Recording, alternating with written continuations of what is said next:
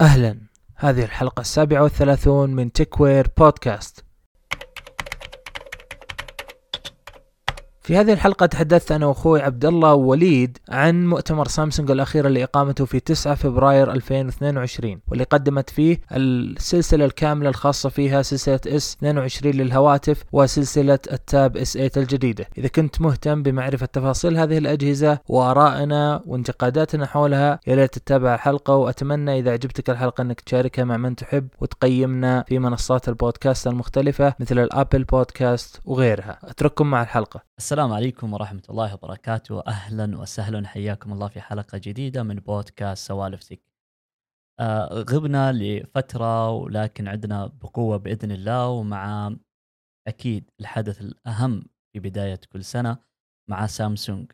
وبالتحديد الإعلان الأخير عن سلسلة جالاكسي S22 وأيضا عن سلسلة التاب S8 معنا في هذه الحلقة ضيفي محمد أهلا وسهلا فيكم مهندسنا محمد. يا هلا عبد الله حياك الله وحيا الله جميع المستمعين والمشاهدين. اليوم وليد أيضا. اليوم الفيس كام منور بوجود وليد. أهلا وسهلا في فيك يا وليد. يا يا هلا فيك أبو عابد يا هلا في آه، مهندسنا محمد يا هلا بالحضور جميعا. آه، الصراحة إعلانات متشوقين نتكلم فيها وفي هذه الحلقة بالتحديد لأي شخص ناوي يشتري هذه السلسلة سواء من سلسلة ال Galaxy S 22 أو من سلسلة ال Tab S 8 هذه الحلقة مهمة عشان تعرف أبرز التطورات أبرز المزايا كيف تفرق بين الأجهزة وش الجهاز المناسب لك. نبدأ في محمد. أهلا وسهلا محمد. إعلانات سامسونج الأخيرة كانت يعني فيها إثبات آه، شيء ما كانت لمدة طويلة ممكن يقول سامسونج كانت ودها أو تبغى تنافس في زاوية محددة أو إنها ممكن نقول إنها إصلاحات لبعض الأخطاء اللي حصلت في إس 21 والله يا عبد الله سامسونج آخر سنتين مرت بتخبط ما نقول تخبط يعني من ناحية الأجهزة إنها كانت سيئة أو كذا ولكن تخبط في هوية السلاسل حقتها. كما نعلم جميعا السنة الماضية 2021 ما نزل بجهاز Note. كما نعلم جميعا. وكان في مطالبات كبيرة جدا من أص... من عشاق ال Note حتى سووا تصويت أذكر وصل خمسين ألف تقريبا يعني آه واحد وقع عليها آه مع يعني صفحة كذا فيها تصويت أو فيها آه يعني لسته من الأسماء أو الإيميلات اللي موجهة لسامسونج يهدفون فيها إلى إنه يطالبون إن ال Note يرجع وكذا فسبب أصلا إبعاد ال Note السنة الماضية ليس سبب عدم قدرة سامسونج على إنتاج جهاز Note إنما هو إنه خلاص سامسونج أدركت إن هي بتخصص الجزء الأخير من السنة الربع الرابع من العام للإعلان عن الأجهزة القابلة للطي الخاصة فيها أو القابلة للسحب مستقبلا ربما. الأجهزة المتحولة بشكل عام سواء ال Z Flip أو ال Z Fold.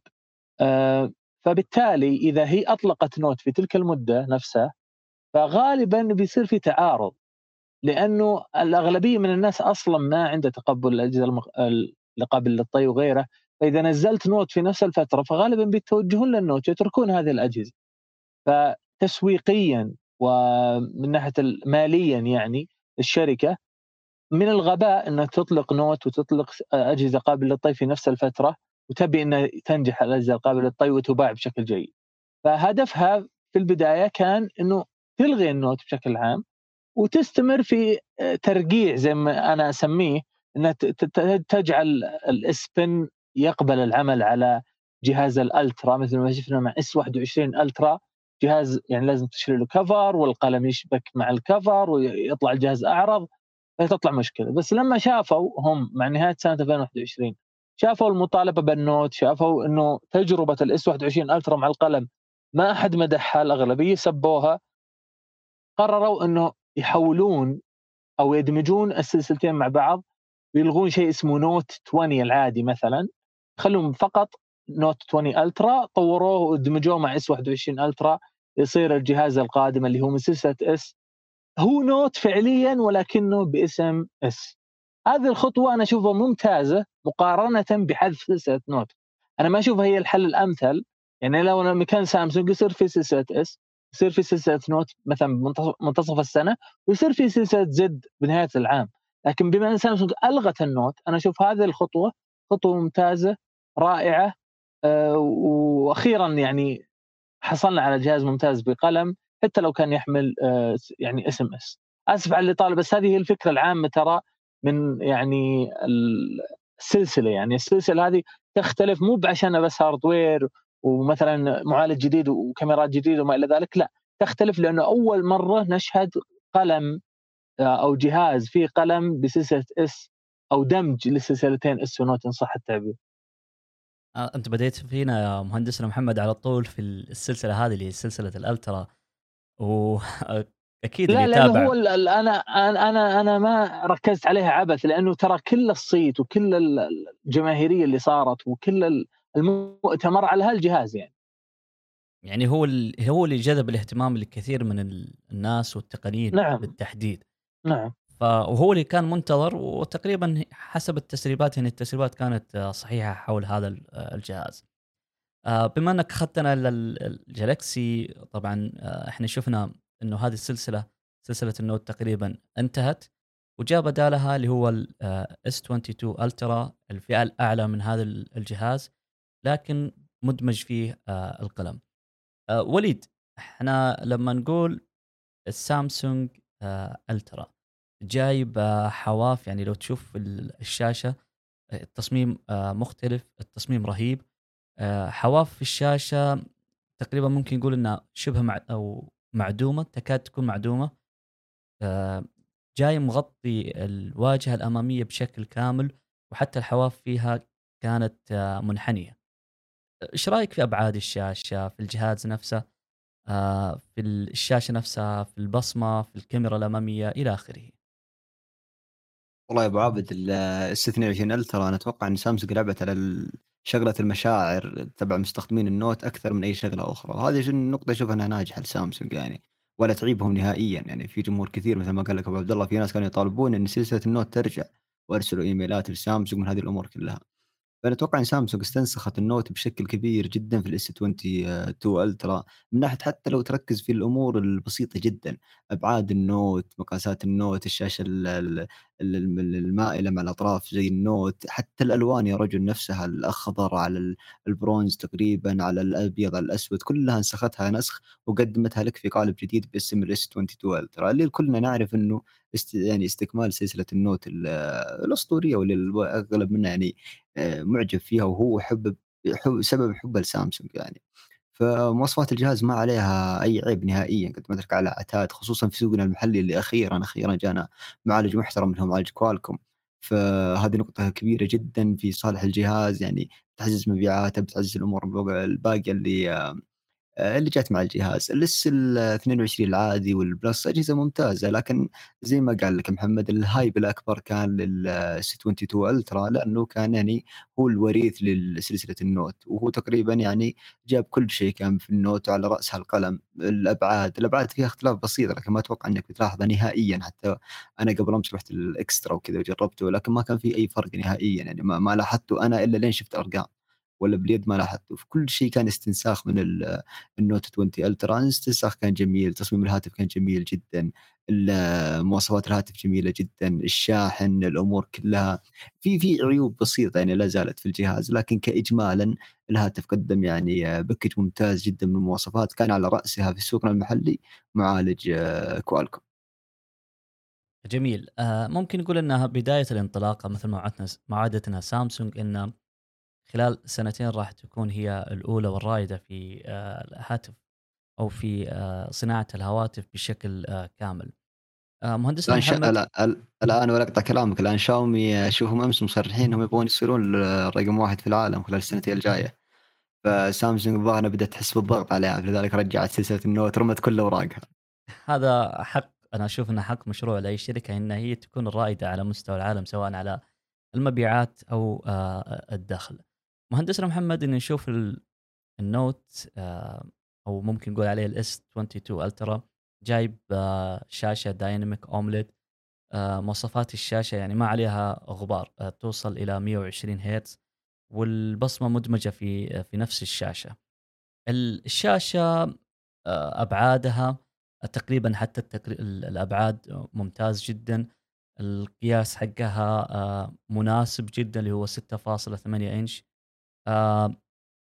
والدقة فيها تقريبا ممكن نقول على أنها 2K ممكن نقول 2K وبجانب هذا كله تدعم تقنية ال HDR 10 Plus السطوع فيها ممتاز. وأيضا الشاشة محمية بطبقة الزجاج اللي هي من اختراع سامسونج نفسه اللي هو Gorilla Glass Victus Plus نشوف إن الشاشة ما فيها أي مشكلة من ناحية التقنيات من ناحية نشوف إنها هي الأفضل أو آخر ما توصل له آه، في السوق.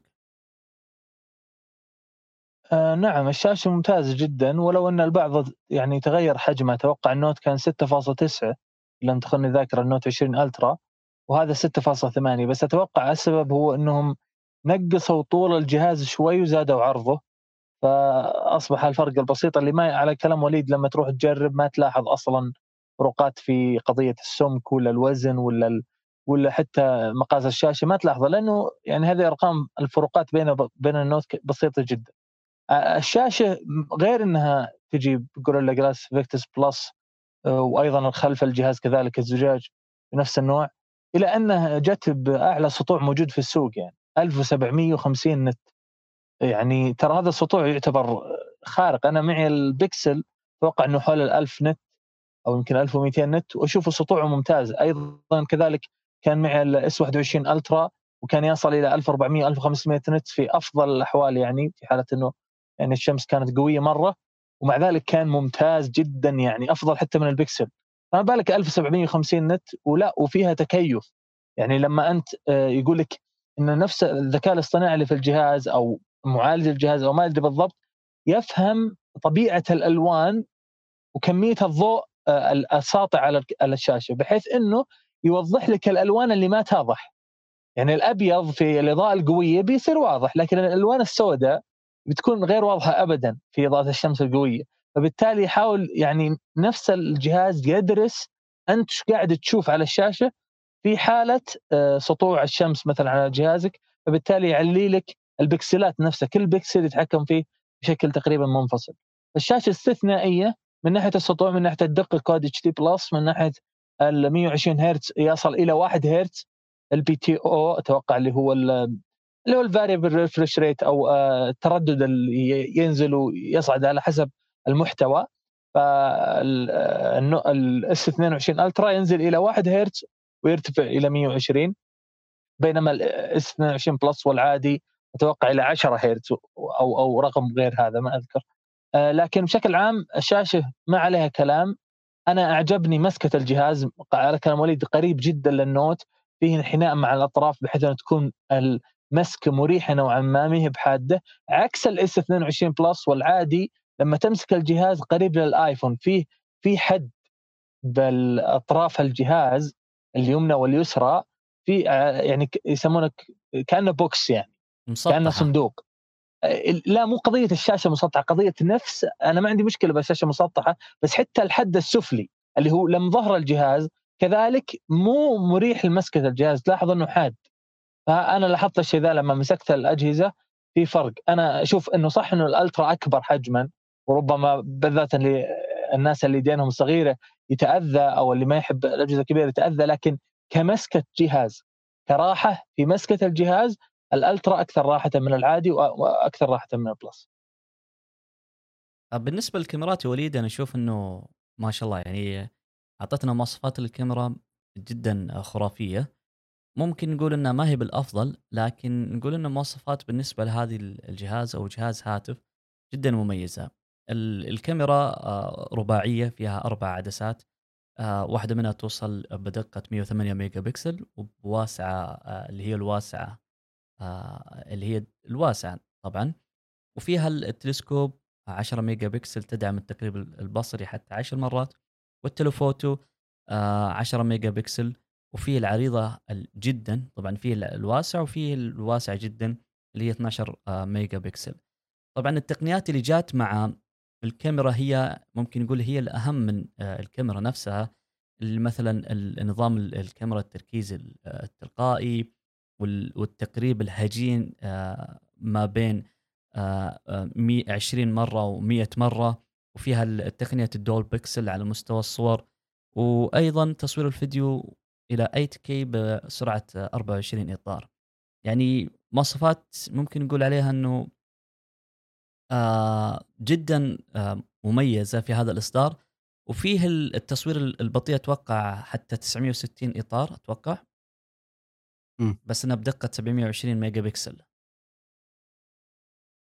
ما أدري والله يعني سلو موشن قصدك أنت؟ سلو موشن إيوه هم ما ترى أعرف. الستاندر لهم كذا سنة يمكن اللي هو 960 على ال 30 ال- على ال 720 بس ممكن يعني ممكن عليه. حتى تكون على 240 على الاتش دي ال- أو ممكن حتى ال إيه، 4K فول اتش دي وممكن ال 4K حتى ممكن يكون نشوف ما هم أعرف والله. 480 480 آه، بي هذه على على على على مي على 400 480 آه، فريم على 1080 بي أوكي. و920 آه، فريم على. اتش دي. معناته راح يكون ال 4K 240 تقريبا آه، فريم في الثانية. تقريبا. يعني نشوف إنها خرافية يعني في بعض الكاميرات ما توصل لها يعني في بعض الكاميرات الاحترافية.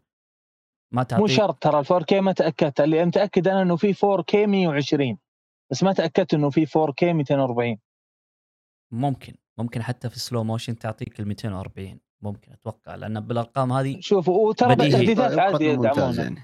يبقى رقم ممتاز حتى إيه لو كان إيه 120 يعني frame حتى يعني. بديهيا يعني ممكن أنها تعطيك يعني slow motion 240 فإيش رأيك؟ حدثنا عن ال- الكاميرات يا وليد. والله mix كاميرات ما ما عليه كلام نهائيا. أنا يعني بالذات اللي هي الكاميرا الأساسية اللي هو الحساس 108 ميجا بكسل أتوقع هذا الجيل الرابع منه أو استكمال الأربع أجهزة نزلت بنفس الحساس يعني. لا زالت سامسونج يعني في كل جيل تحاول تطور منها أكثر. نتذكر أول أول جهاز بنى جانب ال 108 ميجا بكسل اللي كان ال S 20 Ultra اللي قبل سنتين تقريبا. وكان هذيك الأيام في مشاكل كان في ال zoom إذا تذكرون أو في ال focus على على ال S 20 Ultra ال focus ما كان يضبط على ال- ال focus اللي بالليزر كان كانت مسببت له مشاكل كبيرة. مع الجيل الثاني مع ال Note 20 Ultra تحسن الحساس بشكل كبير ال focus تحسن أمور كثيرة تحسنت جدا. فالآن نزل بعده ال S 21 Ultra ثم الآن وصلنا إلى ال S 22 Ultra. يعني تقريبا هو الجيل الرابع استكمال نفس الحساس من سامسونج. طبعا جرت عليه أكثر من تعديل يعني لكن الحساس يبقى جدا ممتاز 108 ميجا بكسل. سامسونج حطت فيه شغل ثقيل جدا من ناحية إنه آه، ال- الإضافات اللي أضافوها له من ناحية الحدة في التصوير من ناحية الألوان من ناحية ال HDR Plus الجديد من ناحية حتى في الظروف المتغيرة الإضاءة ايا كانت. أنا شفت لهم مثلا في المؤتمر حقهم يستعرضون إنه في كل الظروف تقريبا كان الحساس معهم مؤدي من ناحية إنه لما تكون مثلا الشمس خلفك اللي هو اختبار لل HDR واختبار قوي جدا له في المؤتمر استعرضوها كانت نتائج جدا قوية. وشفنا المراجعات برضو أعطت نتائج ممتازة. آه برضو التصوير الليلي فيه تحسن بشكل كبير جدا جدا جدا. يعني صار من أفضل الهواتف. أنا شفت له فيديوهات يعني مقارنة مع البكسل 6 Pro واللي نعرف إنه دائما البكسل هو يكون يعني ملك التصوير الليلي. في شفنا ال S 22 قدم أو ال S 22 Ultra قدم أداء جدا ممتاز. ناطحه في كثير من النقاط بل انه تفوق عليه. أنا من وجهة نظري شفت صور كثيرة شفنا تفوق على البكسل تفوق على الآيفون في التصوير الليلي. فسامسونج أنا ذكرت هذه النقطة في المؤتمر تبعها أن التصوير الليلي اشتغلت عليه بشكل كبير اشتغلت برضو على ال zoom ال zoom الآن أنا أشوف إنه صار عملي وأخيرا يعني. كنا نشوفه قبل سنتين مع ضارب بداية سلسلة ال P 30 Pro من هواوي أول ما طلعت سالفة ال zoom وكذا. كنا نشوف إنه مو بعملي بشكل كبير وكانت السالفه منه فقط إنك تصور القمر وترجع من القمر بس هذه كانت الفكرة الأساسية. لكن انك تروح مثلا إلى 50 X وهذه تكون نتائج جدا مشوهة ما يعني حتى لو كانت اللوحة بعيدة ما يوضح منها شيء. لكن شفت فيها تجارب ونزلناها أتوقع في حسابنا في تويتر تقدر تشوفها إنه أحيانا يجيب لك من أماكن بعيدة يلتقطها لك بال X 100 zoom إلا إن النتائج تكون واضحة جدا خصوصا للكتابات واللوحات والأمور هذه كلها. هنا أشوف انها فائدة حقيقية لل zoom يعني كنت أنا بعيد من المكان وبشوف مثلا الكتابة اللي تكون بعيدة شفت أن المعالجة اللي في عدسة البريسكوب جدا جدا جدا خرافية أعطت نتائج مو طبيعية. فاخيرا أشوف إن ال zoom صارت منه فائدة الحين بشكل ممتاز. في ال X 10 أعطى نتائج يعني في التقريب 10 مرات أعطى نتائج جدا مبهرة تقدر تستخدمها في آه، في ال social media وفي النشر اليومي يعني لحساباتك صار يعطي نتائج مقبولة يعني هذا شيء جدا ممتاز. آه، باقي الأمور آم، الفيديو هذه الأمور كلها كان فيها تحسينات بسيطة لكن أهم تحسين أتوقع اللي سمعنا فيه واللي تكلم عنه سامسونج اللي هو التعاون مع سناب شات مع انستغرام مع غيرهم. هذه النقطة أشوف أنها ممتازة وتحسنت بشكل كبير. أنا شفت يعني الناس من صناع المحتوى عندنا في السعودية مثل عبد الله الغفيص الله يذكره بالخير ومعنا فيصل السيف وهذول شفت لهم في السناب شات شفت لهم مقارنات في التصوير هذا. وماجد تتخيل برضو كان مسوي مقارنات جدا ممتازة في حساب السناب شات. فأعطت نتائج جدا ممتازة والله في تحسن مبهر صراحة. يعني سامسونج ما كذبت بالكلمة هذه إحنا يعني تعودنا إنه كل سنة من سلسلة أتوقع ال P P 40 Pro اللي مع هواوي قالوا حطينا تعاون مع آه مع سناب شات وكذا الا انه كانت دائم فقط تسويق ولا نشوف نتائج ولا نشوف نتائج على أرض الواقع يعني. إلا إنه النتائج مع ال S 22 Ultra والسلسلة ال S 22 كلها كانت نتائج ممتازة جدا آه، في تحسن كبير في السناب شات. لا زال تصوير الفيديو في الاضاءه الضعيفه لا زال مش أفضل شيء ولكن في تحسن يعني يعتبر إنه بادره طيبه من سامسونج ممكن مع التحديثات برضو تتحسن الكاميرا أحسن وأحسن ويتحسن تعاطي النظام مع الكاميرات مع السناب شات. ففعلا الكاميرات كانت مبهرة مبهرة جدا لي بشكل كبير. مهندسنا محمد إحنا نعرف إنه كل ما ارتفع الميجا بكسل في أي عدسة يكون مشكلة كبيرة في ال focus وممكن يضيع عليك ال focus. هل ممكن نقول إن سامسونج غامرت إنها تحط 100 وعدسة 108 ميجا بكسل؟ على حساب على حساب ال focus أو على حساب إنه يكون عندك صورة وفيها بورتري ممتاز أو إن هذه ثقة من سامسونج وثقة في المعالج الصوري الخاص فيها. والله هو المسألة ترى أقدم من كذا. صحيح أنه كانت مع ال S 20 Ultra لما أعلنت عنه في البداية كان في مشكلة وبال focus وعدلته بال Note 20 Ultra ولكن مع S 21 Ultra كان 108 ميجا بكسل مع ذلك ما شفنا مشاكل كبيرة بال focus. كذلك النتائج اللي شفتها من ال S 22 Ultra نفس الكلام. زائد إنه ترى by default يعني الأصل إنه لما أنت تفتح الكاميرا وتصور بالكاميرا الأساسية اللي هي أصلا الحساس حقها 108 ميجا 108 ميجا بكسل ما تطلع لك الصورة بحجم 108 ميجا بكسل فعليا. ولا تصور أنت أنت يعني تستخدم الحساس بحيث إنه يدمج لك البكسلات ويعطيك إياه صورة بدقة تقريبا 12 ميجا بكسل بس الفرق إنه مع ال S 22 Ultra فرقه عن ال S 21 Ultra إنه سوى هذا الشيء إنه يدمج لك ال 108 ميجا بكسل يحط لك 12 ميجا بكسل بينما في ال S 21 Ultra كان لما أنت تبي ال 108 ميجا بكسل تغير الإعدادات وتحط ال 108 ميجا بكسل يصور لك فعلا بدقة 108 ميجا بكسل وتطلع لك الصورة أوضح بكثير وتصلح على كلامك إذا كان أنت بتصور منظر عام وليس يعني قريب من موضوع معين أو من object معينة يعني.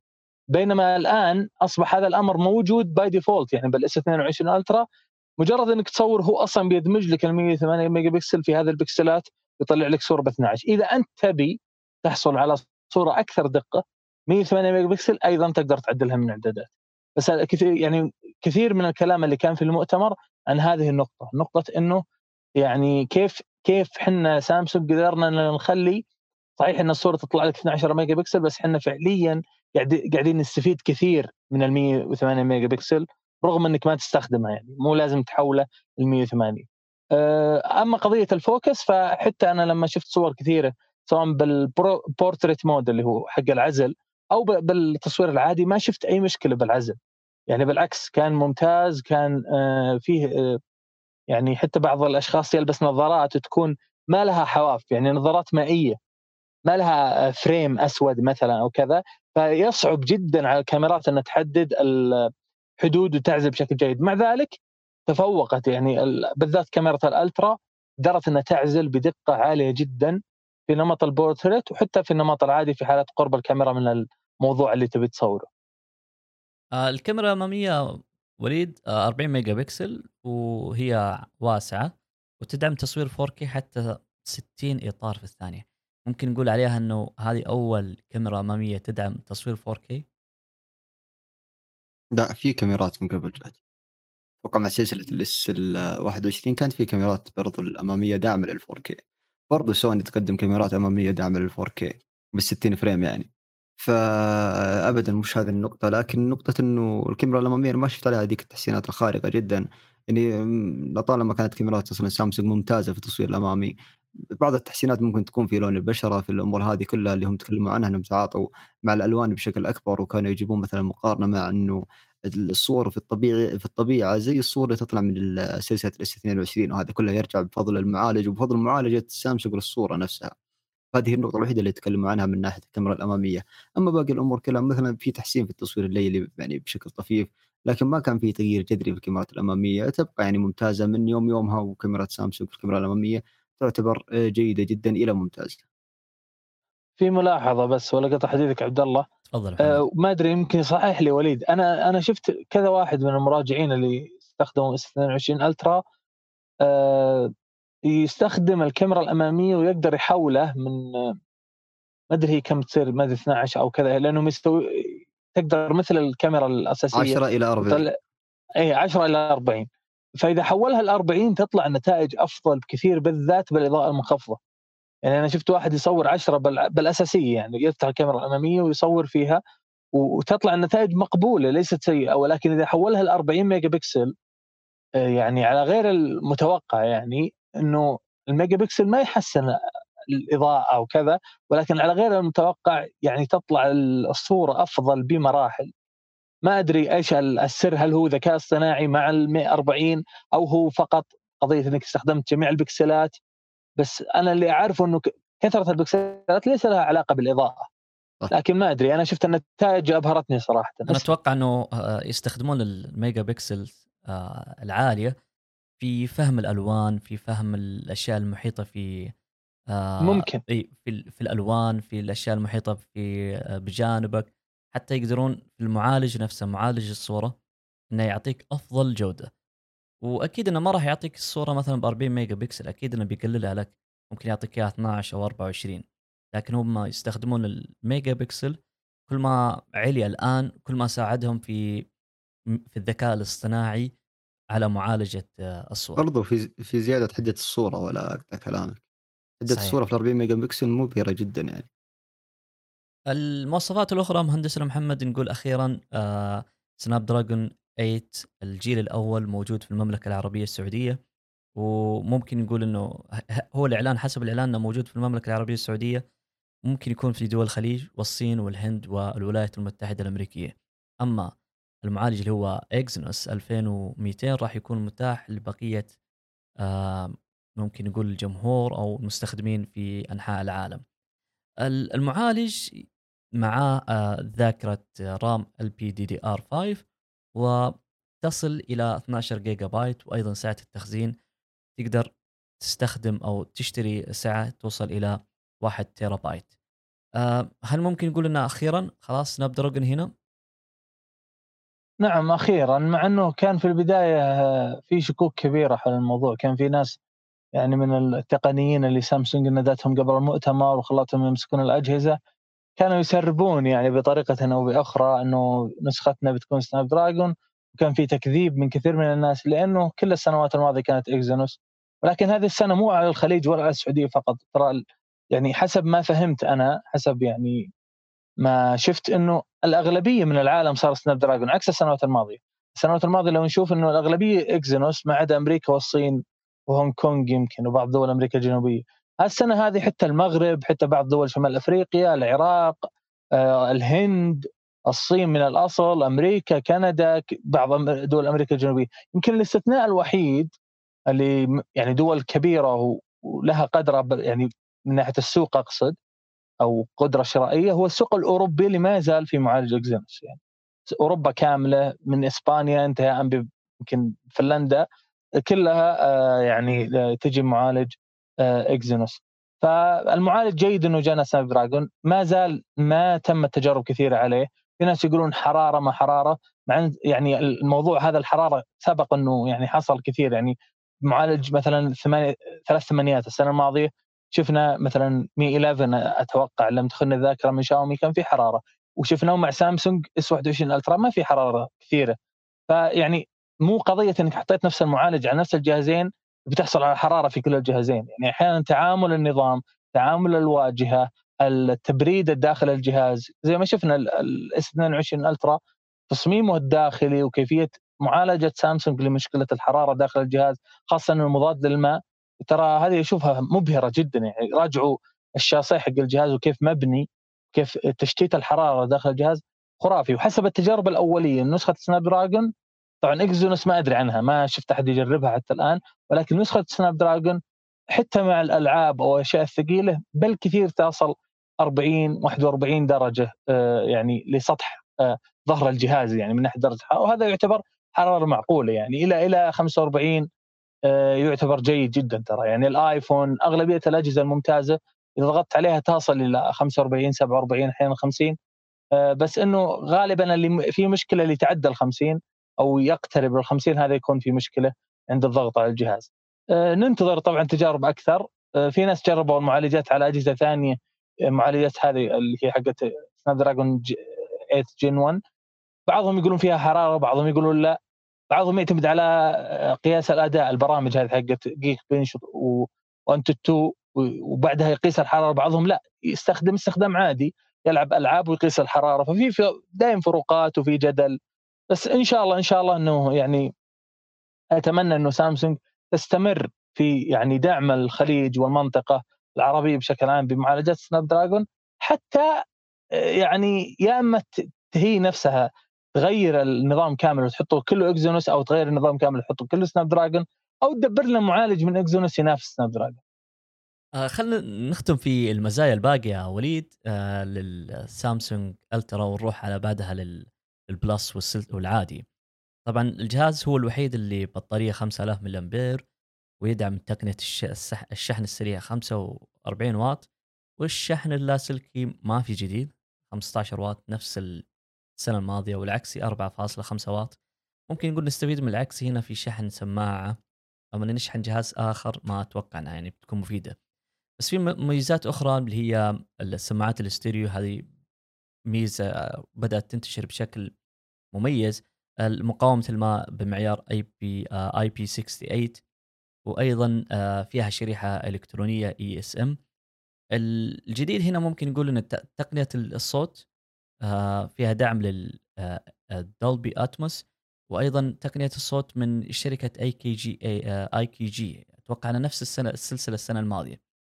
من نفس الشركة هذه هي اللي زودتهم بالتقنية الصوت أو السماعات. ال GPS المزدوج والواي فاي 6 E. ونركز على الواي فاي 6 E هنا لأن لأن إحنا شفنا بعض المراجعات وفي بعض الفيديو مقارنة بين الواي فاي 6 والواي فاي 6 E كان متفوق في الواي فاي 6 E. المواصفات جدا ممتازة يا أبو عابد نتكلم عنها اجمالا. مثل ما ذكرنا بدأت مع نسخة ال Ultra. ما بخلت سامسونج في أي ميزة يعني موجودة وأي مواصفات. لا من ناحية السماعات لا من ناحية المواصفات ككل لا من ناحية حتى البصمة واستكمالها الاجيال جيل بعد جيل اللي هي بصمة سامسونج اشوفها من أفضل البصمات اللي ال ultrasonic جدا ممتازة سريعة ما يحتاج إنه يطلع إضاءة أو اي شيء. هي من أفضل البصمات اللي ودي صراحة إن كل الشركات تتعلم من سامسونج هذه النقطة. مع إنه كان في الجيل الأول لها أتوقع مع ال S ten كانت سيئة جدا. ولكن جيل بعد جيل تطورت بشكل مبهر وصارت هي تقريبا هي أفضل بصمة بالنسبة لي جربتها يعني. مقارنة بالشركات الأخرى اللي تعتمد مثلا على البصمه تحت الشاشة بال optical اللي هو يعني يطلع لك إضاءة وتشوف بصمة يدك. فامور سامسونج كلها قدمت عتاد قوي جدا. كان باستطاعتها تقدمه في أي جهاز سابق لها مثل ال S 21 Ultra السنة الماضية. يعني ما كان في آه، قفزة كبيرة جدا يعني. أتوقع حتى نفس الجهاز هو قدم واي فاي 6 E. ولكن القفزة كلها كانت في المعالج وفي الأمور اللي مترتبة عليها مثل معالجة الصور مثل معالجة التصوير الليلي مثل معالجة مثلا التعامل مع الحرارة التعامل مع الإضاءة العالية للشاشة. هذه الأمور كلها كانت مستندة فقط على المعالج. كان هو تقريبا الفرق الكبير يعني هذه السنة. وخصوصا برضو اللي هو التعامل مع القلم. القلم برضو نزلت له تحسينات كبيرة مثل اللي هو نسبة التأخر فيه صارت إلى 2.8 millisecond اللي نسبة تعتبر لا تذكر حرفيا ولما تتكلم انها كانت في الجيل السابق مع ال Note 20 Ultra كانت 8 millisecond فانت تتكلم إنه تقريبا آه، ثلاث مرات أقل يعني في سرعة الاستجابة. فهذه كانت كلها ترجع بفضل الشاشة بفضل المعالج بفضل أمور كلها hardware داخلي يعني للجهاز. ما كانت في حاجات مرة مبهرة إنه قفزه في في العتاد إلا إنه سامسونج يعني ما استرخصت وقدمت كل جديد يعني في السوق حتى من ناحية. فقط النقطة اللي أعتب عليهم فيها اللي هي البطارية أو مو بالبطارية اللي هو الشاحن. الشاحن 45 واط وسامسونج تعتبر متفضلة انها تقدم شاحن زي كذا لأن أشوف إنه الآن إنه رقم عادي جدا. لما تقول أنا كنت أستحقرهم لما يقولون ال 22 واط ونص و25 واط أنها شحن سريع. ما تعتبر سريع في يومنا هذا تعتبر شحن عادي يعني. لما الشركة تقدم لك 18 واط وتقول إحنا قدمنا شحن سريع هذا مو بشحن سريع هذا عبط. أنت الآن الشركات الصينية الآن صار standard عندهم 66 واط تقريبا وطالع ما عاد عندهم يعني حاجات أقل. تتكلم عن شاومي صار standard في ال flagship عندها 120 واط. iQOO اللي هي تابعة الفيفو تقريبا. standard عندهم 120 واط ال NEX من فيفو برضه 120 واط. الشركات كلها الكبار الصينية صارت عند standard عندهم بدا يرتقون إنه يكون 120 واط ما عاد نزلوا عنه. هذا يعني المعالي الشاحن فقط هو النقطة اللي أعتب فيها على سامسونج ما قدمت يعني آه، شيء يعني أبهرنا فيه. أنا كنت أتمنى أنه على الأقل يقدمون ال 60 أو 65 واط اللي هو يعتبر standard تقريبا حتى عند منافسينهم مثل هواوي وغيرهم. لكن تحسن طفيف جدا على الشاحن ما ما ما تساوى مع باقي التحسنات في العتاد اللي قدمتها سامسونج. آه، هذه تقريبا آه، أفضل الأمور اللي فيه. فقط عتبي على جهاز ال S 22 العادي. اللي هو okay جايب شاشة صغيرة وفي ناس تحب الشاشة الصغيرة لكن ما مو بشغلة إنك تقدم لي 3700 ملي أمبير اللي أنا شفت المقارنات من ناس ما يعطيهم أكثر من أربع ساعات تشغيل شاشة. هذا عمر آه، يفشل إنك تقدم لي في 2022 أربع ساعات شغل. أنا إيش استفدت من جهاز زي كذا حتى لو شاشته صغيرة؟ هذه النقطة الوحيدة اللي كانت يعني مترتبة على سامسونج. أما من ناحية المعالج ومن ناحية الحرارة والناس شابة عليها هذه الفترة فأتوقع المعالج الجهاز بيوصل له تحديثات اني تحسن الأمور هذه كلها. لا زلت أثق إنه المعالج ما كانت في قفزة كبيرة من 5 نانو إلى 4 نانو. ممكن القفزة اللي تسبب الحرارة هذه كلها أو تسبب مثلا استنزاف البطارية لا نهائيا. أنا أتوقع إن المعالج بيكون stable وأتوقع إنه مع التحديثات بتكون أموره جدا ممتازة وبيبقى أفضل من Exynos في اسوء الأحوال يعني. آه، أنت أخذتنا إلى ال S 22 ذكرت نقطة الشاشة. أنا عجبني في الجهاز. طبعا كذا ختمنا ال Ultra.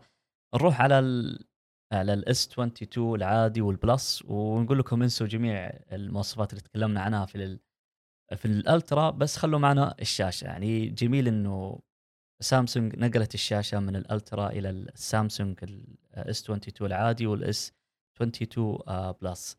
فهذه الميزة لحالها يعني تشفع لسامسونج إنها نقلت نفس الشاشة بنفس التقنيات إنها full full HD Dynamic AMOLED HDR 10 و120 هرتز يعني شيء حلو. فقط نقطة نقطة إنه ال Ultra Quad HD وبينما الاجهزة الثانية full HD هذه نقطة الفرق بينهم تقريبا. وفيه اللي هي آه، السطوع كان ال Ultra 1750 والسطوع في الأجهزة العادية اللي هو 1500 ومثل ما ذكرت إن تخيل هذه الأجهزة شالتها وحط أو الشاشة هذه الجبارة شالتها وحطتها في الأجهزة الباقية. وصغرت حجم البطارية في ال S 22 العادي. فمهندسنا محمد هنا ننتقل إلى محبوب الشعب اللي هو ال S 22 وال S 22 Plus تقريبا هذه الجهازين اللي ممكن تجيك أسئلة عليها وممكن نسأل عليها. إيش الأفضل 22 20 Plus خلينا نبدأ في ال 20 Plus ونقول يعني الفرق بينها بين الاثنين عشان آه، تقريبا الغالبين راح ينطلق أو راح يبدأ من هذه الجهازين. فالشاشتين ممتازة بالنسبة للجهازين. ما عدا التصميم التصميم مسطح بشكل كامل والحواف زي ما نقول إحنا شفنا النوت منحنية وفي كثير من الناس يعني يفضلون المنحنية وفي كثير ما يبغون المنحنية يتأذون من المنحنيه فممكن نقول إنه ال S 22 Plus والعادي جاي ينافس آه، أجهزة أخرى محددة. هل ممكن نقول إنها جاية تنافس في السوق لهذا الجهاز بالتحديد؟ في البداية معلش بذكر نقطة عن ال Ultra بس متعلقة بالعادي وال Plus اللي هو أنا أعتقد من وجهة نظري وان شاء الله نراجع كلامي هذا بعد سنة إنه خلال سنة 2022 بيكون أكثر جهاز أندرويد مبيعا هو ال S 22 Ultra. بلا لسبب لأنه اي لأنه لأنه هو اللي يستهدف فئة ال Note اللي الناس كانوا ينتظرون ال Note بيأخذونه. وأيضا الناس اللي من الأصل ما يبون قلم بس يبي أعلى مواصفات بيأخذ ال Ultra حتى لو ما يحتاج القلم. في ناس أعرفهم كذا اشتروا أجهزة Note وقعد معه سنة ولا يدري إنه في قلم أصلا. فبالتالي إنه هذه النقطة آه، في البداية. أما بالنسبة لل Plus والعادي ال Plus أنا أشوفه نقطة يستاهل. ثانية أضيفها لك يا مهندس محمد سم تفضل. اللي هي نقطة الذاكرة توصل ل 1 تيرا الأجهزة الثانية هذه هذا خيار بس ترى مو موجود بالسوق المحلي. يعني موجود في أمريكا وكندا وبعض الدول. بس في على الخيار موجود. على الأقل في 512 إيه في 512 وزي الموديلات الماضية. الموديلات الماضية كان فيها 512 سواء من ال Note ومن ال S لكن ال Plus أنا أشوفه يستاهل أكثر من العادي لعدة أسباب. واحد إنه حجم الشاشة فيه كبير نوعا ما وأغلبية الناس حاليا يفضلون الأجهزة الكبيرة. بينما العادي 6.1 أتوقع ويعتبر حجمه نوعا ما صغير.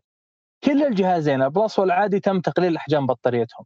ال Plus في ال S 21 Plus كان 400 4800 الحين 4500 يعني نزل 300 ملي امبير أيضا العادي كان 4000 ونزل 3700 فنزل 300 ملي امبير فكل البطاريتين نزلت.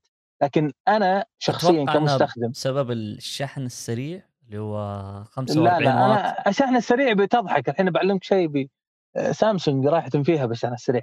بس آه، لا أنا ما أتوقع أتوقع إنه مشكلة تصميم يعني.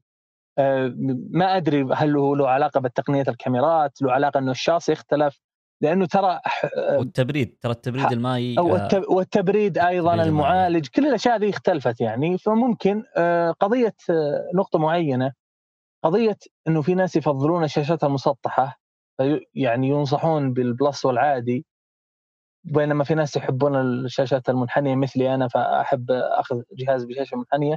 لكن ترى في فرق بين شاشة مسطحة وبين ظهر مسطح. يعني الآن أنا ما عندي مشكلة إني أخذ جهاز بشاشة مسطحة بحيث إني أنا ما عندي انحناء بالواجهة. لكن إذا كان حتى الخلف حتى ظهر الجهاز مسطح يعني حتى مع الجوانب ظهر الجهاز مسطح إذا مسكت الجهاز أحس أنا بحد الجهاز. يعني في زاوية الجهاز من الخلف إذا مسكت الجهاز مزعجة جدا وهذا أنا ما لاحظته مع ال S 22 Plus وال S 22 آه العادي. يعني مسكة الجهاز أنا وجهة نظري فيها كمسكة بغض النظر عن واجهة الجهاز هل هي منحنية ولا لا أنا أتكلم عن ظهر الجهاز ومسكتي له آه ما أشوفها مريحة. ممكن مع قراب مع كيس يفرق الأمر نعم. أنا أقول لك نعم يحل الكيس أحيانا هذه المشاكل لكن هذه ملاحظة مهمة. ال Plus يستاهل لأني حتى شفت مقارنات بين كاميرته وكاميرا ال Ultra. الفرق الأساسي يعني في فرق لصالح ال Ultra في أغلب الصور وفي أغلب الوضعيات لكن الفرق بسيط والفرق الأساسي والملاحظ واللي ما حد يقدر ينكره في ال zoom. إذا كنت أنت إنسان تحب الزوم تستخدمه كثير الألترا بيفرق معك بشكل يعني واضح جدا. أما غيره أنت إنسان من الأشخاص العاديين ما, ما تفرق معك تقول باخذ الألترا بس عشان الكاميرا ما تسوى. إذا كنت تحب القلم نعم ممكن. لكن بس عشان الكاميرا ترى الفرق بين كاميرا الألترا والبلس ليس الفرق الشاسع خصوصا إذا كنت ما تستخدم الزوم. العادي يعيبه قضية البطارية لكن أنا ودي أشوف تجارب يعني. إذا كانت سامسونج قللت البطارية نعم هذا أمر سيء المفروض تبقى البطارية كما هي إذا ما ارتفعت لكن أنا شفت تجارب عكس وليد. شفت تجارب إنه الكم يعني بطارية العادي آه، كانت مبهرة جدا يعني. يعني أعطت أتوقع ست ساعات أو قريب من أكثر من خمس ساعات. من screen on time على 120 هرتز وعلى Full HD Plus صح إنه الشاشة أصغر لكن ما ندري. الآن التجارب قد تختلف من معالج لمعالج آه، قد تختلف بعد تحديث معين. نصبر أنا غير راضي عن نزول البطارية ابدا سواء بال Plus أو بالعادي لكن بالنهاية أهم شيء الأداء. إذا كان الأداء بيعطينا أداء كويس ما يهم. إن شاء الله حتى بطارية 1000 ملي أمبير. ما تفرق معي. بس الشحن حق ف... العادي 25 واط. ما هو نعم. إي بس ترى كل المده نجي للشحن. الحين آه، ابدأ تبدأ جولة الضحك. الشحن الحين يقول 45 واط لل Ultra ولا ال Plus. ترى ما في فرق. يعني الفرق أنا لما كنت أشحن أو أنت الآن لما تجيب شاحن 25 واط تشحن فيه الألترا وتجيب شاحن 45 واط تشحن فيه الألترا. الفرق ثمان دقائق ثمان دقائق بدل طيب. ساعة وثمان دقائق يصير ساعة. هل الثمان دقائق ذي تستاهل اني ادفع 50 دولار عشان 45 واط؟ ما تستاهل ابدا. فمو كثيرين لما أقول له 25 وصارت 45 يعتقد إنه خلاص تقريبا الدبل معناته دبل المدة بتقل يعني نص المدة بتقل. لا هذا الأمر غير صحيح. الجهاز حتى ب 45 واط يشحن الألترا في ساعة تقريبا ب 45 واط والبلس يشحن في ساعة والعادي يشحن في ساعة و10 دقائق ب 25 واط. كلهن يعني ما تغير الشحن. أنا أعتبر سامسونج ما حدثت على الشحن أي شيء. حتى مع الشحن 45 واط ما تغير الشحن. أو أنا علقت في حسابي بتويتر قلت أي واحد عنده مليار ريال في حسابه لا يشتري شاحن 45 واط. لأنه أنا أشوفه اتلاف للمال عشان ثمان دقائق تشتري شاحن ب 50 دولار. ما يعني ما في فرق فعليا. فهذه ملاحظة مهمة ترى خداع التسويقي حق الشركات. زي ما شفنا نسخه ال 45 واط هذه قدمتها سامسونج مع ال Note 10 Plus إذا كنتم تذكرون.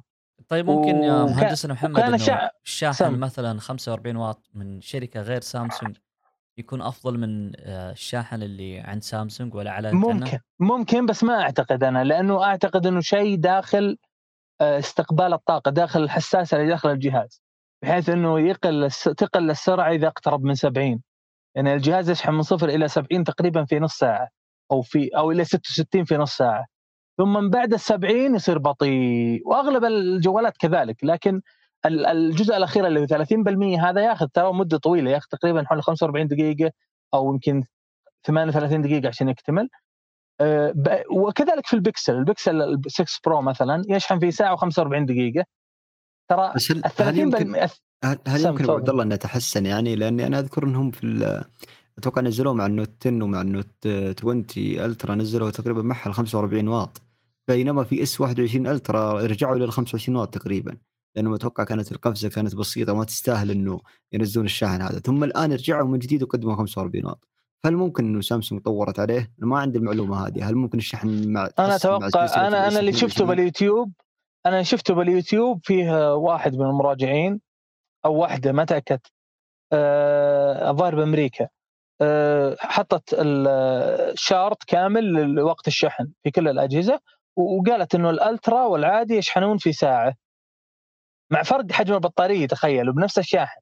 يعني سامسونج باختصار تبي جراف معين تبي شكل معين للشحن. تبي إني أنا أشحن الجهاز من صفر إلى 60 أو إلى 70 في مدة سريعة ثم بعد ال 70 يصير بطيء جدا. فما ندري ممكن تجارب اضعف في نقطة البطارية سامسونج. هو هو البطارية نفسها أنا ما متفائل لكن الشحن صراحة ما يزال هو النقطة السلبية. بعض الناس يهاجم في تويتر يقول أنتم ذبحتونا بسامسونج أسعار وشحن بطيء شوفوا الأجهزة الصينية. صحيح صحيح سامسونج متخلفة في هذا الناحية لكن معليش أنت أهملت جميع النقاط الإيجابية الثانية. صحيح. يعني ترى سامسونج عندها نقاط كثيرة لما تجرب أجهزة ثانية تدرك إنه سامسونج فعلا مخضرمة في هذا القطاع قطاع الهواتف. في نقاط كثيرة داخل الجهاز تفتقد سامسونج من خلالها. أنا معي البيكسل 6 Pro وجهاز خرافي وكاميرته ممتازة. مع ذلك والله في نقاط كثيرة بالاستخدام ما في سامسونج أحسن منه ابدا. اللي هو النظام واللي هي نظام ال1 يو اي الواجهة حقتها يعني فعلا جبارة ترى. من من صحيح. زمان فعلا من زمان من وفي زمان غير الميزات في نقاط معينة وحساسات كيفيه تعامل النظام مع استخدامك آه، كثير من النقاط البسيطة اللي ما ما يلاحظ الشخص من التجربة الأولى ما تلاحظها إلا بعد استخدام مطول بعدين بتقول سامسونج وبس صراحة يعني في في في في حنكة في مواضع معينة ما تدرك إلا بعدين لما تجرب أجهزة ثانية. في نقطة يا أبو عبد الله وأبو عابد برضو أنا كنت أنا محيرتني في سامسونج. ال S22 Plus قدموا معه بطارية 4500 ملي أمبير الرقم هذا مو بصغير نهائيا. ولكن لما تشوف الشاشة يقدمونها معه Full HD Plus يعني بطاريته مو بصغيرة على مقاس شاشته تعتبر يعني قريبا نفس موازنة الألترا مع مقاس الشاشة يعني. ليش ما تقدم لي عليه ال Quad HD يعني؟ هذا الشيء لا زال محيرني في سامسونج. ليش تسترخص في البلس تقدم لي Full HD كل سنة؟ ليش ما تطلع به إلى ال Quad HD طيب ما دام البطارية كبيرة وتتحمل يعني. ما أدري هل أحد عنده يعني وجهة نظر في هذا الموضوع؟ عشان تخليك تشتري ألترا. لو حطيت Quad HD Plus إيه بس هذا وفي حاجة ثانية اللي هي أيضا محيرتني أنا في البلس اللي هي 8 جيجا RAM فقط اكتفت فيها على جميع الأجهزة. صار الألترا في 8 جيجا RAM. هذه النقطة أنا قهرتها. أي والألترا 8 جيجا بس في خيار آخر إنك تقدر تأخذ ال 12 12 12 جيجا RAM. بس ترى السنة الماضية نفس الكلام. السنة أتوقع الماضي كان البلس ب 8 جيجا. الفرق السنة الماضية وهذه تحديدا السنة هذه هو وجود ال virtual RAM اللي هو من الإعدادات تروح. وتتنازل عن جزء معين من الذاكرة الداخلية مثلا ب 4 جيجا 8 إلى 8 جيجا تختار تتحوله من ذاكرة داخلية إلى RAM افتراضي. هذا اللي هذه الحركة هي اللي هذا اللي أنا بوصل لك هذا اللي أنا بوصل له إنه الذاكرة الداخلية أو الثابتة اللي موجودة في الجهاز البلس وفي العادي أقصى شيء 256 جيجا بايت يعني ما أعطتك حتى ال 500 إذا تبغى ال 512 أو تبغى ال 1 تيرا تروح على الألترا. أنا أشوف خيار جيد يعني بالنهاية أنا أشوف إنه خيار جيد إنه يصير فيه حتى واحد تيرا على العادي. ما عندي مشكلة يعني لكن ما أشوف أنا يعني الساعات التخزينية مشكلة يعني. 256 أعتقد الأغلبية تكفيه زيادة لكن ممكن في أشخاص يرغبون 512 قضية عدم وجود 512 للبلس أشوفها غريبة. ممكن يكون المقصود منها نفس المقصود من ال Full HD إنه أنت ب 512 روح للالترا يعني في ترى. حركات الشركات يزينونها يحسبوننا مغفلين. هم هم يدرون إنه أنت إذا بغيت 512 بتروح للألترا. يقولون ما حد ملاحظ اننا ما حطينا 512 للبلس يلا خلينا نسويه وما حد داري. اعمل نفسك ميت. هذه الحركات حقتهم. أنا عتبي فقط على مساحة ال RAM أنا المفروض إنه موفر 12 على الأقل على البلس هذا عتبي المفروض-. المفروض صراحة. لكن زي ما بس ترى أنا ما استغربت. لأنه وفروا الثمانيه على ال... شوف وجود ثمانية RAM على الألترا يبين لك إنه آه ليش حطوا ثمانية RAM على البلس فقط. دليل على إنه الألترا يقدر يشتغل بشكل قوي وممتاز بال 8 جيجا RAM أنا أنا ما أعذر لهم. أنا أشوف المفروض إنه 12 بس ترى قضية وجود ال virtual RAM هذا وسرعات الذاكرة الداخلية وصلت إلى سرعة يعني قريبة من سرعة ال RAM. هل هي فعليا إذا أنا حولت جزء من الذاكرة الداخلية مثلا حولت 2 4 جيجا RAM آه، جيجا من الذاكرة إلى RAM افتراضي هل فعليا بي- بيصير أداء الجهاز نفس 12 جيجا RAM اللي من حين جاءت من المصنع 12 جيجا RAM ولا مجرد هياط من سامسونج بالإعدادات وما في فعليا تزامن لاستخدام هذا ال RAM الافتراضي مع التطبيقات. هذا السؤال. إذا كان لا فعليا يستخدم ك RAM RAM يعني ال- الذاكرة اللي بيحولها من الذاكره الداخليه إلى ال virtual RAM بيستخدم مثله مثل ال RAM العادي أنا أشوف بالعكس لو تحط 6 جيجا RAM كيفه؟ ما تفرق معي بالعكس هو- أرخص لي أنا كمستخدم. هو التقنية فرق الجديدة فرق الأرقام- فرق أرقام السرعة كبير ترى بين ال RAM بين الذاكرة. ما أتوقع إيه بس إنه- توصل نفس المستوى لكن مو مو بنفس المستوى بس قريبة قريبة هل يعني ما مو سلسة فقط هذا اللي أحتاجه يعني هذا هو السؤال نعم. هي هي صارت ممكنة ترى مع ال- الذاكرة الجديدة اللي هي بنظام ال UFS 3.1 أتوقع ان قبل 3.0 أو قبلها ما كان ممكن إنك تحط ال virtual RAM. أتوقع إن النوع هذا من ال- الذواكر الداخلية أعطتك إمكانية ان آه، اعطتك إمكانية إنك تقدر تاخذ من هذا ال- ال RAM أو من هذا الذاكرة التخزينية الدائمة مساحة ولو جزء بسيط آه، تكون للرام. آه، طيب آه، نبغى نروح على نقطة أو نقطتين مهمة نبغى نذكرها في الأجهزة كاملة اللي هي ال- ال- المعالج الجديد الخاص بالحماية أنا والله راح عن بالي اسمه كان موجود في بالي للآن بس راح أتوقع اسمه آه، Cortex أتوقع. في لا Cortex هذه ال- ال- البناء قصدك حق المعالجات أو حق الانويه لا في ذاكرة آه، أو في قطعة جديدة شريحة الامان يعني. شريحة الامان هي أول ما شفناها في وناقشناها ترى في سلسلة ال A في سلسلة ال A قبل فترة في البودكاست. آه، أضافتها وقلنا إحنا دائما دائما تجرب آه، سامسونج في سلسلة ال A بعدين تطرحها في السلسلة الرسمية حقتها اللي هي ال S فبتذكر ال- الاسم حقها أو المسمى حقها إنه في ذاكرة أو في قطعة آه، حماية خاصة في الأجهزة أضيفت في آه، سلسلة ال S أتوقع إنها مخصصة للتشفير. أنا في راح شركات أخرى قدمتها مثل Pixel. Google Pixel قبل الظاهر أربع شهور يوم قدموا البيكسل 6 قدموا برضو شريحة نفس الفكرة هذه إنها تقدم تشفير وتقدم حماية برضو وتكون بشكل physi... physical يعني إنها تكون موجودة في الجهاز نفسه أو تكون مدمجة مع المعالج تقريبا. برضو قدمتها Vivo مع أجهزتها الأخيرة منها الظاهر Vivo X 70 قدموا مع نفس ال- الشريحة هذه اللي تكون موجهة للحمايه وللتشفير يعني. فإلى الآن ما عرفت استخدامها الفعلي صراحة ولا عرفت وش توجه الشركة فيه. قد تكون سامسونج أنا اللي على حسب اللي سمعت أن الشريحة هذه موجهة للمجلد الآمن فيها. إنه بيكون الشريحة هذه مختصة في تشفير الأمور اللي حاطها أنت في المجلد الآمن. قد تكون هذه فكرتها يعني وكل الشركات الآن بدأت تستنسخ نفس الفكرة يعني. آه هنا صديقنا بدر غامدي ذكرنا فيها اللي هو آه الكونوكس. طبعا هذه الشريحة أنا أتوقع إني شفتها أو إحنا شفناها قبل كذا إنه في شريحة خاصة في آه للأمان في الجهاز نفسه. إحنا أول ما أنا أول ما شفتها أنا شفتها في آه في الآيفون. في الآيفون آه الآيفون 6 وقبلها لما تحفظ البيانات خصوصا بيانات ال iCloud كنت تحفظها على نفس الجهاز في الذاكرة التخزينية الدائمة وما كانت منفصلة عن الذاكرة التخزينية.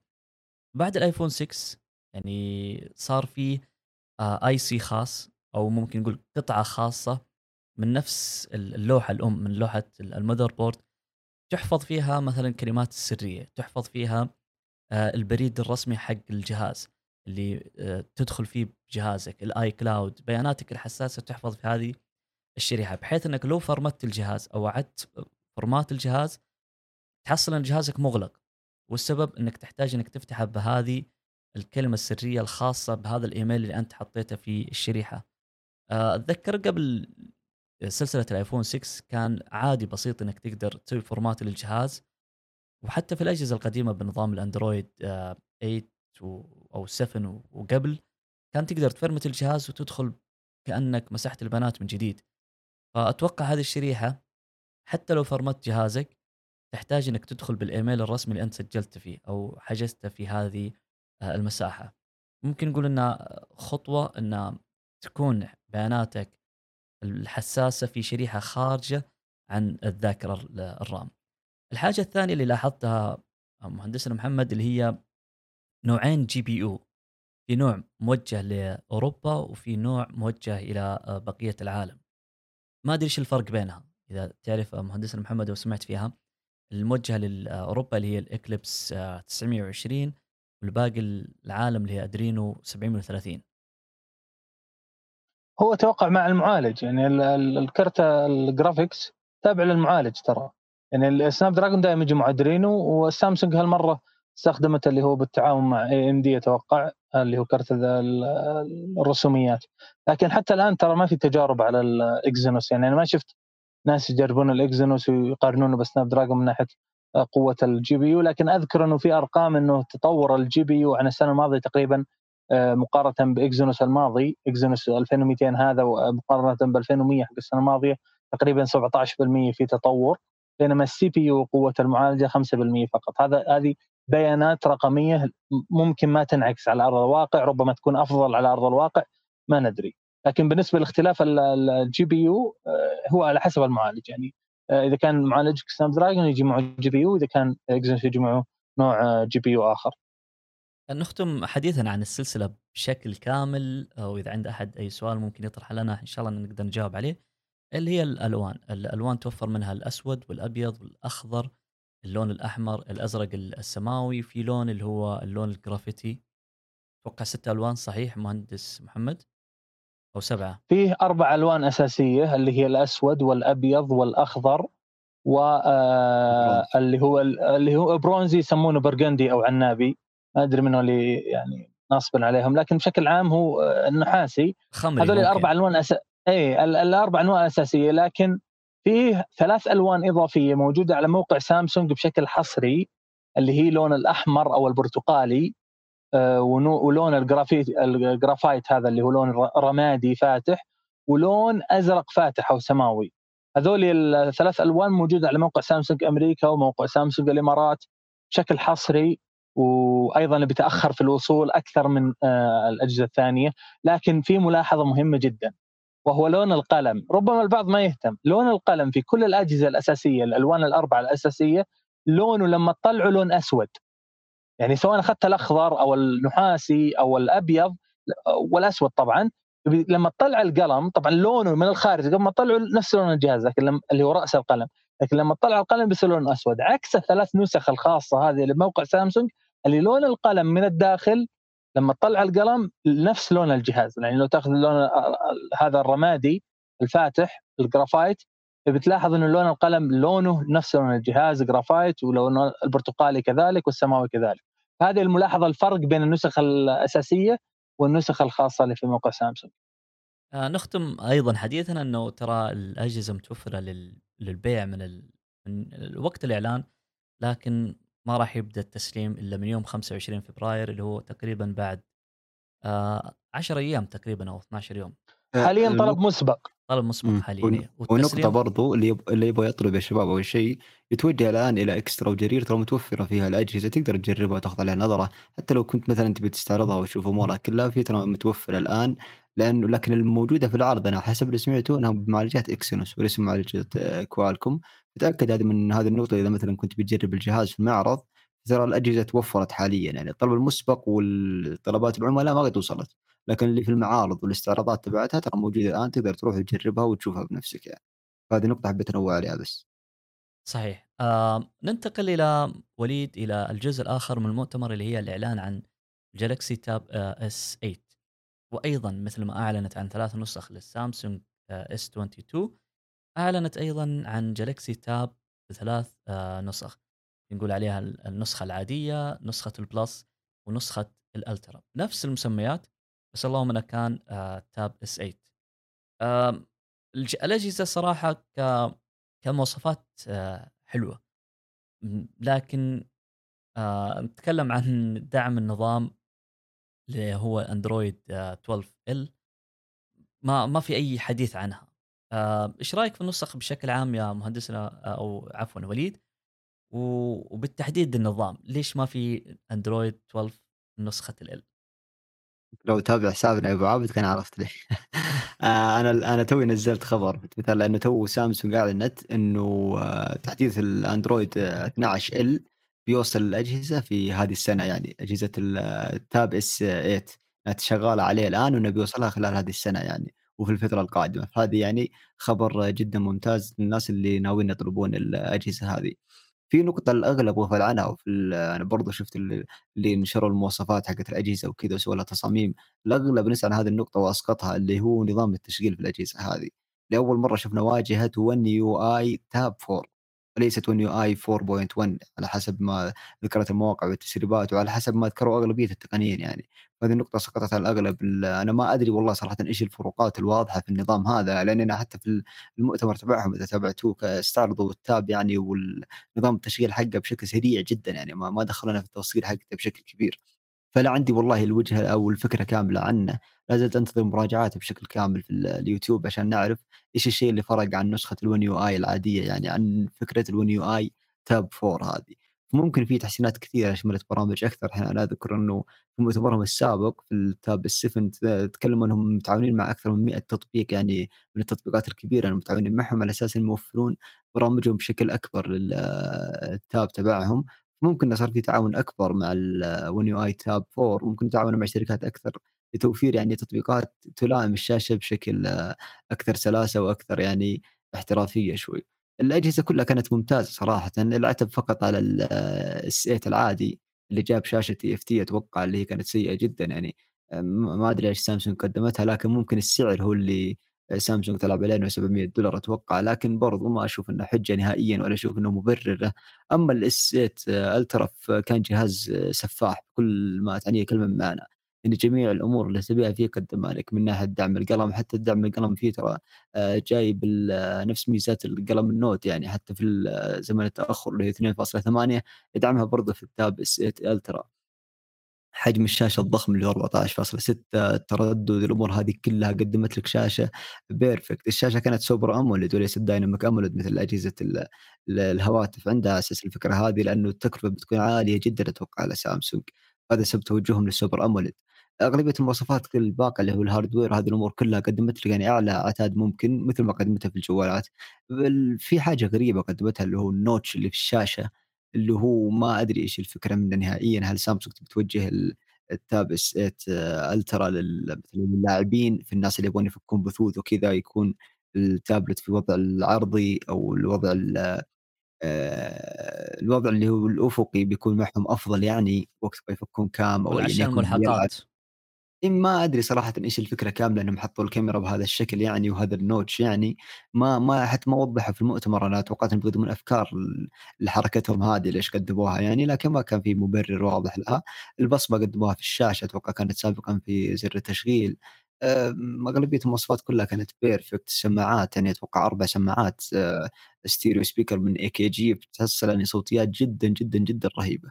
ال Tab S8 Ultra كان جهاز جدا جدا قوي بطارية ضخمة 11000 ملي امبير ب 45 واط شحن سريع يعني كل المواصفات يعني ابدع فيها صراحة إنه ما في ما ما خلى لها أي نقطة تعثر. فقط باقي عندنا اللي هو نظام التشغيل نبي نتأكد منه اللي هو الون يو اي تاب 4 ونشوف إيش الجديد اللي قدمه يعني. آه، وأيضا السعر يعني السعر كان آه، منافس 1100 آه، دولار. يعني بيكون منافس لبعض الأجهزة اللي أغلى من كذا بكثير يعني وصلت إلى 2000 دولار. المن... الشيء المميز هنا مهندس محمد إنه جميع الأجهزة بمعالج كوالكوم Snapdragon 8 Generation 1 اللي هو الأحدث من Snapdragon في خيارين لل RAM لل Ultra. إحنا نتكلم عن ال Ultra الآن. إنه في خيارين لل RAM اللي هو ال8 وال 16 وأيضا تقنية ال LP آه، بتقنية ال LPDDR 5 سعه التخزين واللي أعجبتني هنا في حاجة حلوة إنه أقل سعه تخزين 256 وأعلى آه، نسخة اللي هي 512 لكن تقدر تضيف عليها ذاكرة آه، خارجية اللي هي micro SD. والمنفذ USB Type-C. يعني جهاز ممكن إنه بس ما يكون يعني حق ممكن نقول مستخدم عادي ممكن حتى نشوف منه آه إنه في مستخدمين مثلا للألعاب أو ممكن نقول للبثوث أو ممكن نقول حتى آه بعض المشاريع ممكن نشوف إنه تتصمم أو ممكن نقول آه اللي يبغى صناع المحتوى سواء صناع الفيديو وإلى آخره ممكن يستخدمون هذا الجهاز ويكون هو جهازهم الرئيسي. بالإضافة للملحقات اللي راح تجي مع هذا الجهاز مثلا الكيبورد الماوس وإلى آخره. آه، إيش آه رأيك مهندسنا محمد في باقي المواصفات؟ والله في البداية أنا يعني ما عجبتنا السلسلة هذه حقت ال Tab من سامسونج مع إنها هي السلسلة الوحيدة تقريبا المنافسة في عالم أندرويد من ناحية التابلت. لكن آه أقصد من الفئة العليا يعني. لكن ما عجبني سعر. تغلط ال Mi Pad five يا أبو إيه لكن آه أنا ما عجبني شفنا أتوقع آه، هواوي اتجهت لا هواوي اتجهت إلى الويندوز. اي هواوي اتجهت الويندوز في بعض الأجهزة. جربته أتوقع وليد. جدا جدا ممتاز. فكرته رهيبة. الشاشة تبعته OLED بتردد عالي أتوقع حجمه وزنه keyboard دعم بال keyboard والقلم بشكل ممتاز جدا.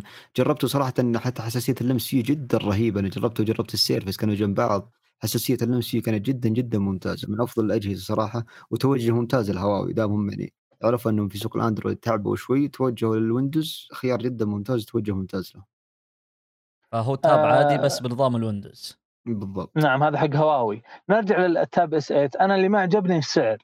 يعني السعر السنوات الماضية لو ترجع لل Tab S6 ال Tab S7 ال Tab S7 Plus كلها يعني على أعلى سعر تلقاه ب 850 ال Plus مثلا كان ب 900 دولار. الآن أقل فئة من ال Ultra ب 1100 دولار 1150 دولار. اعتبرها سعر عالي على أجهزة التابلت. ما أقول إنه ما يستاهل بالعكس ممتاز الجهاز خاصة الألترا مع إنه جاي بنوتش أو النتوء هذا اللي في الشاشة المعاق السيء اللي أنا أكرهه واللي ما أشوف له عذر مع إنه نتوء صغير للمعلومية يعني.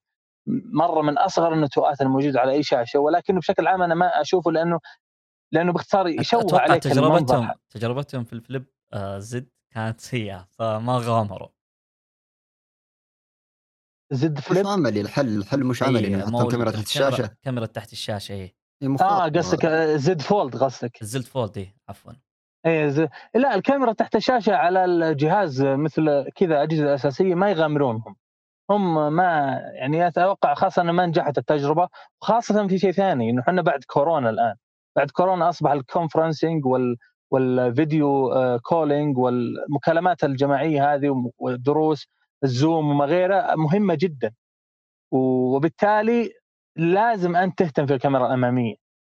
وشفنا ال Ultra ال S8 ال Tab S8 Ultra يجي فيه كاميرتين أماميات. فبتكون من أفضل الكاميرات على أي جهاز تقريبا أفضل من أغلب اللابتوبات يمكن أفضل كاميرا أمامية على أي جهاز لوحي أو جهاز لابتوب. 13 آه ميجا بكسل دقة 2K يعني تقريبا.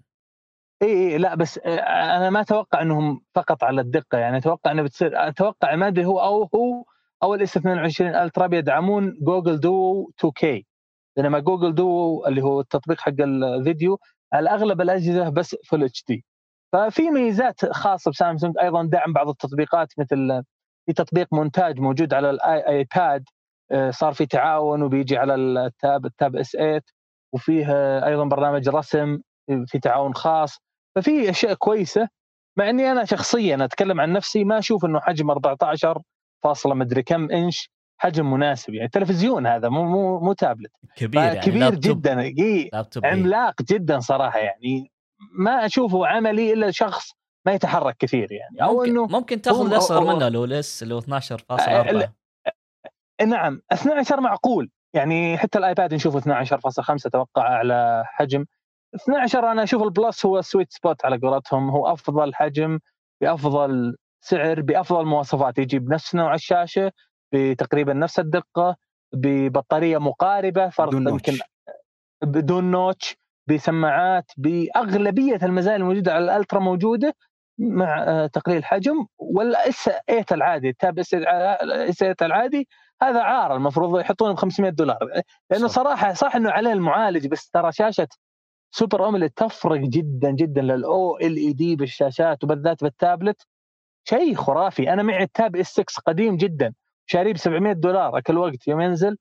الآن إلى الآن أقدر أشوف به Netflix أشوف به أفلام أشوف به محتوى بجودة عالية. يا أخي شاشة مبهرة. والله شاشة يعني خارجه عن اطار ال- الاجهزه الباقي. يعني- وتعتب على سامسونج أبو عبد الله إنها ملكة الشاشات يعني. في هذا هو. اقوى نق- أقوى نقطة قوة والسعر والسعر مو. برخيص. ال Tab S 8 مو رخيص ترى ب 700 800 دولار يعني. مو مو سعره مثلا حاطه فئه متوسطه أنت عشان تحط عليه TFT. عموما آه، الصغير ما أشوفه يستاهل ابدا لكن ال Plus وال Ultra إذا كنت ما عندك مشكلة بال notch ممتازات رغم ارتفاع السعر وبالذات نقطة القلم وعدم التأخر يعني أنا جربت اللي قالوا وليد اللي 2.8 millisecond ال latency مع ال S 22 Ultra جربته. صراحة صراحة كأنك تكتب على ورقة. والله يعني أنا أنا كنت مستخدم لل Note 20 Ultra مع إنه كان ال latency الظاهر بالثلاثينات millisecond. بس هذا والله شيء يعني تحس إنه سحر صراحة. يعني الكتابة من يحب الكتابة والرسم بيستمتع في هذا القلم بشكل خرافي. وفي الذكاء الاصطناعي إنه حتى إنه يتوقع وين نعم. حركتك وين راح تروح القلم هذا هو هو هو اللي خلاهم يصلون للرقم هذا إنه فيه يعني تعاون مع الذكاء الاصطناعي عشان التوقع. لكن بشكل عام اجهزه التابلت ممتازة بطارية ممتازة أه سعر غير ممتاز للأسف. أه بالنسبة للمعالج ترى من الأصل الأجهزة التابلت من ال Tab S 6 أتوقع وتيجي معالجات Snapdragon يعني ما ما تلعب فيها سامسونج دائما تيجي معالجات Snapdragon ما في نسخ Exynos من آه، اجهزه التابلت الفئة العليا آه، بعض التسريبات اللي إحنا شفناها سابقا عن آه، Google Pixel إنه مع بالتعاون مع سامسونج وان أصلا ال- الشريحة هي اكزينوس بس غيروا اسمها فإحنا ليش شفنا إنه مثلا سلسلة المع... أو المعالج حق جوجل نجح وسامسونج متخوفة من المعالج حقها إيش رأيك وليد؟ هل في حل يعني؟ هل في... ال- الآن ما في تعاون بين جوجل وسامسونج في المعالج حقها معالج جوجل خاص فيها. المعالج جوجل تمام. طيب آه، بعض التسريبات يقولون إنه هو معالج Exynos بس إنه معدل في الاسم يعني غيروا اسمه فقط. مستحيل إن جوجل تقدم يعني نهائيا يعني حتى لو كانت سامسونج من يوم يومها كانت إشكاليتها في الضبط يعني. حتى لو مثلا سامسونج اللي مسوي المعالج الجوجل وكان مثلا مبني على ال Exynos ولكن ترى الضبط نفسه تغير والضبط كان من عند جوجل. أتوقع تنحل مشكلة كبيرة جدا عند سامسونج. يعني النقطة هذه سمعناها من ناس كثير يعني فاهمين في المجال أنا ما أقول لك إني فاهم في المجال المعالجات وحرارتها بشكل كبير جدا لكن أنا سمعت من أكثر من شخص على رأسه مثلا آه، عبد الرحمن العنيزي XQ55 الله يمسيه بالخير. كانت هذه نقطته يعني في ال Exynos 1200 وفشلة إنه كان المشكلة كلها الأكبر في الضبط الضبط كان مرتفع في ال Exynos فلو معالج جوجل قدم ضبط ممتاز أتوقع خلاص يتخطى هذه النقطة. نهائيا مش عيب يعني في معالج جوجل يعني. آه طيب آه مهندس محمد خلينا نقول إنه هذه آه بداية لسلسلة قادمة قوية من سامسونج في سلسلة ال S 22 أه والله يتمنى إنها تستمر كذا يتمنى إنه تستمر جهازين ويصير الجهاز الثالث ال Ultra في قلم دائما. وخلاص يعني اللي يبي قلم ياخذ قلم واللي يبي S ياخذ S واللي يبي Fold و Z ياخذ آه، يعني Flip و Fold ياخذ Fold و Flip لكن أنا اللي يعني النقطة الوحيدة اللي أشوفها يعني هي تسويقية لسامسونج ومصلحة الشركة لكن من مصلحة المستخدم هو نسخة ال Plus لو تصير أقرب لل Ultra شوي ما تصير أقرب للعادية. يعني أشوف إنه مستخسرين شوي بال Plus عشان يخلونك تروح لل Ultra غصب حتى لو أنت ما تبي القلم. فأنا أشوف لو يطورون شوي بنسخة ال Plus ال S 22 أه بس يعني ويستمرون كذا بسلسلة الاس ويستمرون أيضا بسلسلة التاب بيطلع شيء مميز. وما زالت سامسونج يعني تقدم كل سنة الأفضل رغم العيوب الموجودة رغم إنه في عيوب ما حلت مثل الشحن السريع وبعض النقاط الثانية بس إنه ما يزال أفضل خلطة موجودة بالسوق بدون. منازع. اي يعني غالبا إنه سامسونج آه، أو تكون من المنافسين الأقوى على أقوى خلطة يعني. وهذه السنة تحديدا مع ال S 22 Ultra أشوف أنه يعني عداه العيب في أغلب النقاط. وليد سلسلة ال Tab S 8 بتتوقع إنها راح تكون متوفرة في السوق ما راح تنقطع وراح يكون الطلب كبير. عليها عالي إيه بتتوفر بشكل كبير جدا في السوق السعودي والطلب عليها من يوم يومها كانت ترى ممتازة وعليها طلب عالي المشكلة. كيف؟ كانت تنقطع هذه المشكلة لا كانت متوفرة في هي تأخرت هي مشكلة توفرها يتاخر بالعادة يعني بتكون الأولوية لأجهزة سامسونج يعني الين يقل الطلب عليها وتبدأ توفر من التاب. لكن أتوقع أن الجهاز هذا اشتغلت عليه سامسونج بشكل كبير جدا لأن إحنا تقريبا السنة إحنا نسمع تسريبات عنه وشغل ثقيل عنه فأتوقع أنه 100% بتشتغل على نقطة التوفر فيه يعني. ولكن آه، آه، ممكن مشكلة المعالجات خصوصا ما أجهزتها اللي بتجينا بمعالجات كوالكوم وبرضه ال Tab بيجي بمعالجات Qualcomm ممكن هذه تسبب لهم إشكالية يعني. وعلى فكرة ترى سامسونج ما قدمت معالج Qualcomm للسوق السعودي في الهواتف على أساس إنه يعني آه، استجابة للمطالب أو غيرها مثل ما تكلم البعض ولكن هذا بسبب قلة معالجات عندهم سامسونج تشوف أنها مصيبة عليها لأنها وفرت لنا Qualcomm فالله يديمها إن شاء الله. وفيه ممكن نشوف إن المصنع الجديد اللي راح تص... اللي جالسة تسوي فيه أو جالسة تنشا في الولايات المتحدة الأمريكية وفي أوروبا إيه، ممكن يعني يكون يعني إكسنوس بيغطي العالم كله إن شاء الله. ترى وجود اكزينوس أتوقع في أمريكا مستحيل يعني. أتوقع أنا واللي مخليها أصلا في الصين. في براءات اختراع في أشياء تمنع سامسونج إنها توفر هذه النسخ في أمريكا وبعض البلدان يعني. عشان كذا ولا من زمان من زمان يعني كانت من الأصل شو اللي تستخدم سناب دراجون ليش ما تستخدم مثل هواوي كيرن يعني على كل النسخ؟ بس إنه يعني الغصيبه على بعض قولتهم. الدول عليها إيه. صحيح اي نعم. شكرا لك مهندسنا محمد كانت فعلا حلقة رائعة استفدنا منها الكثير والكثير آه، شكرا أيضا آه، وليد الله يعطيكم العافية.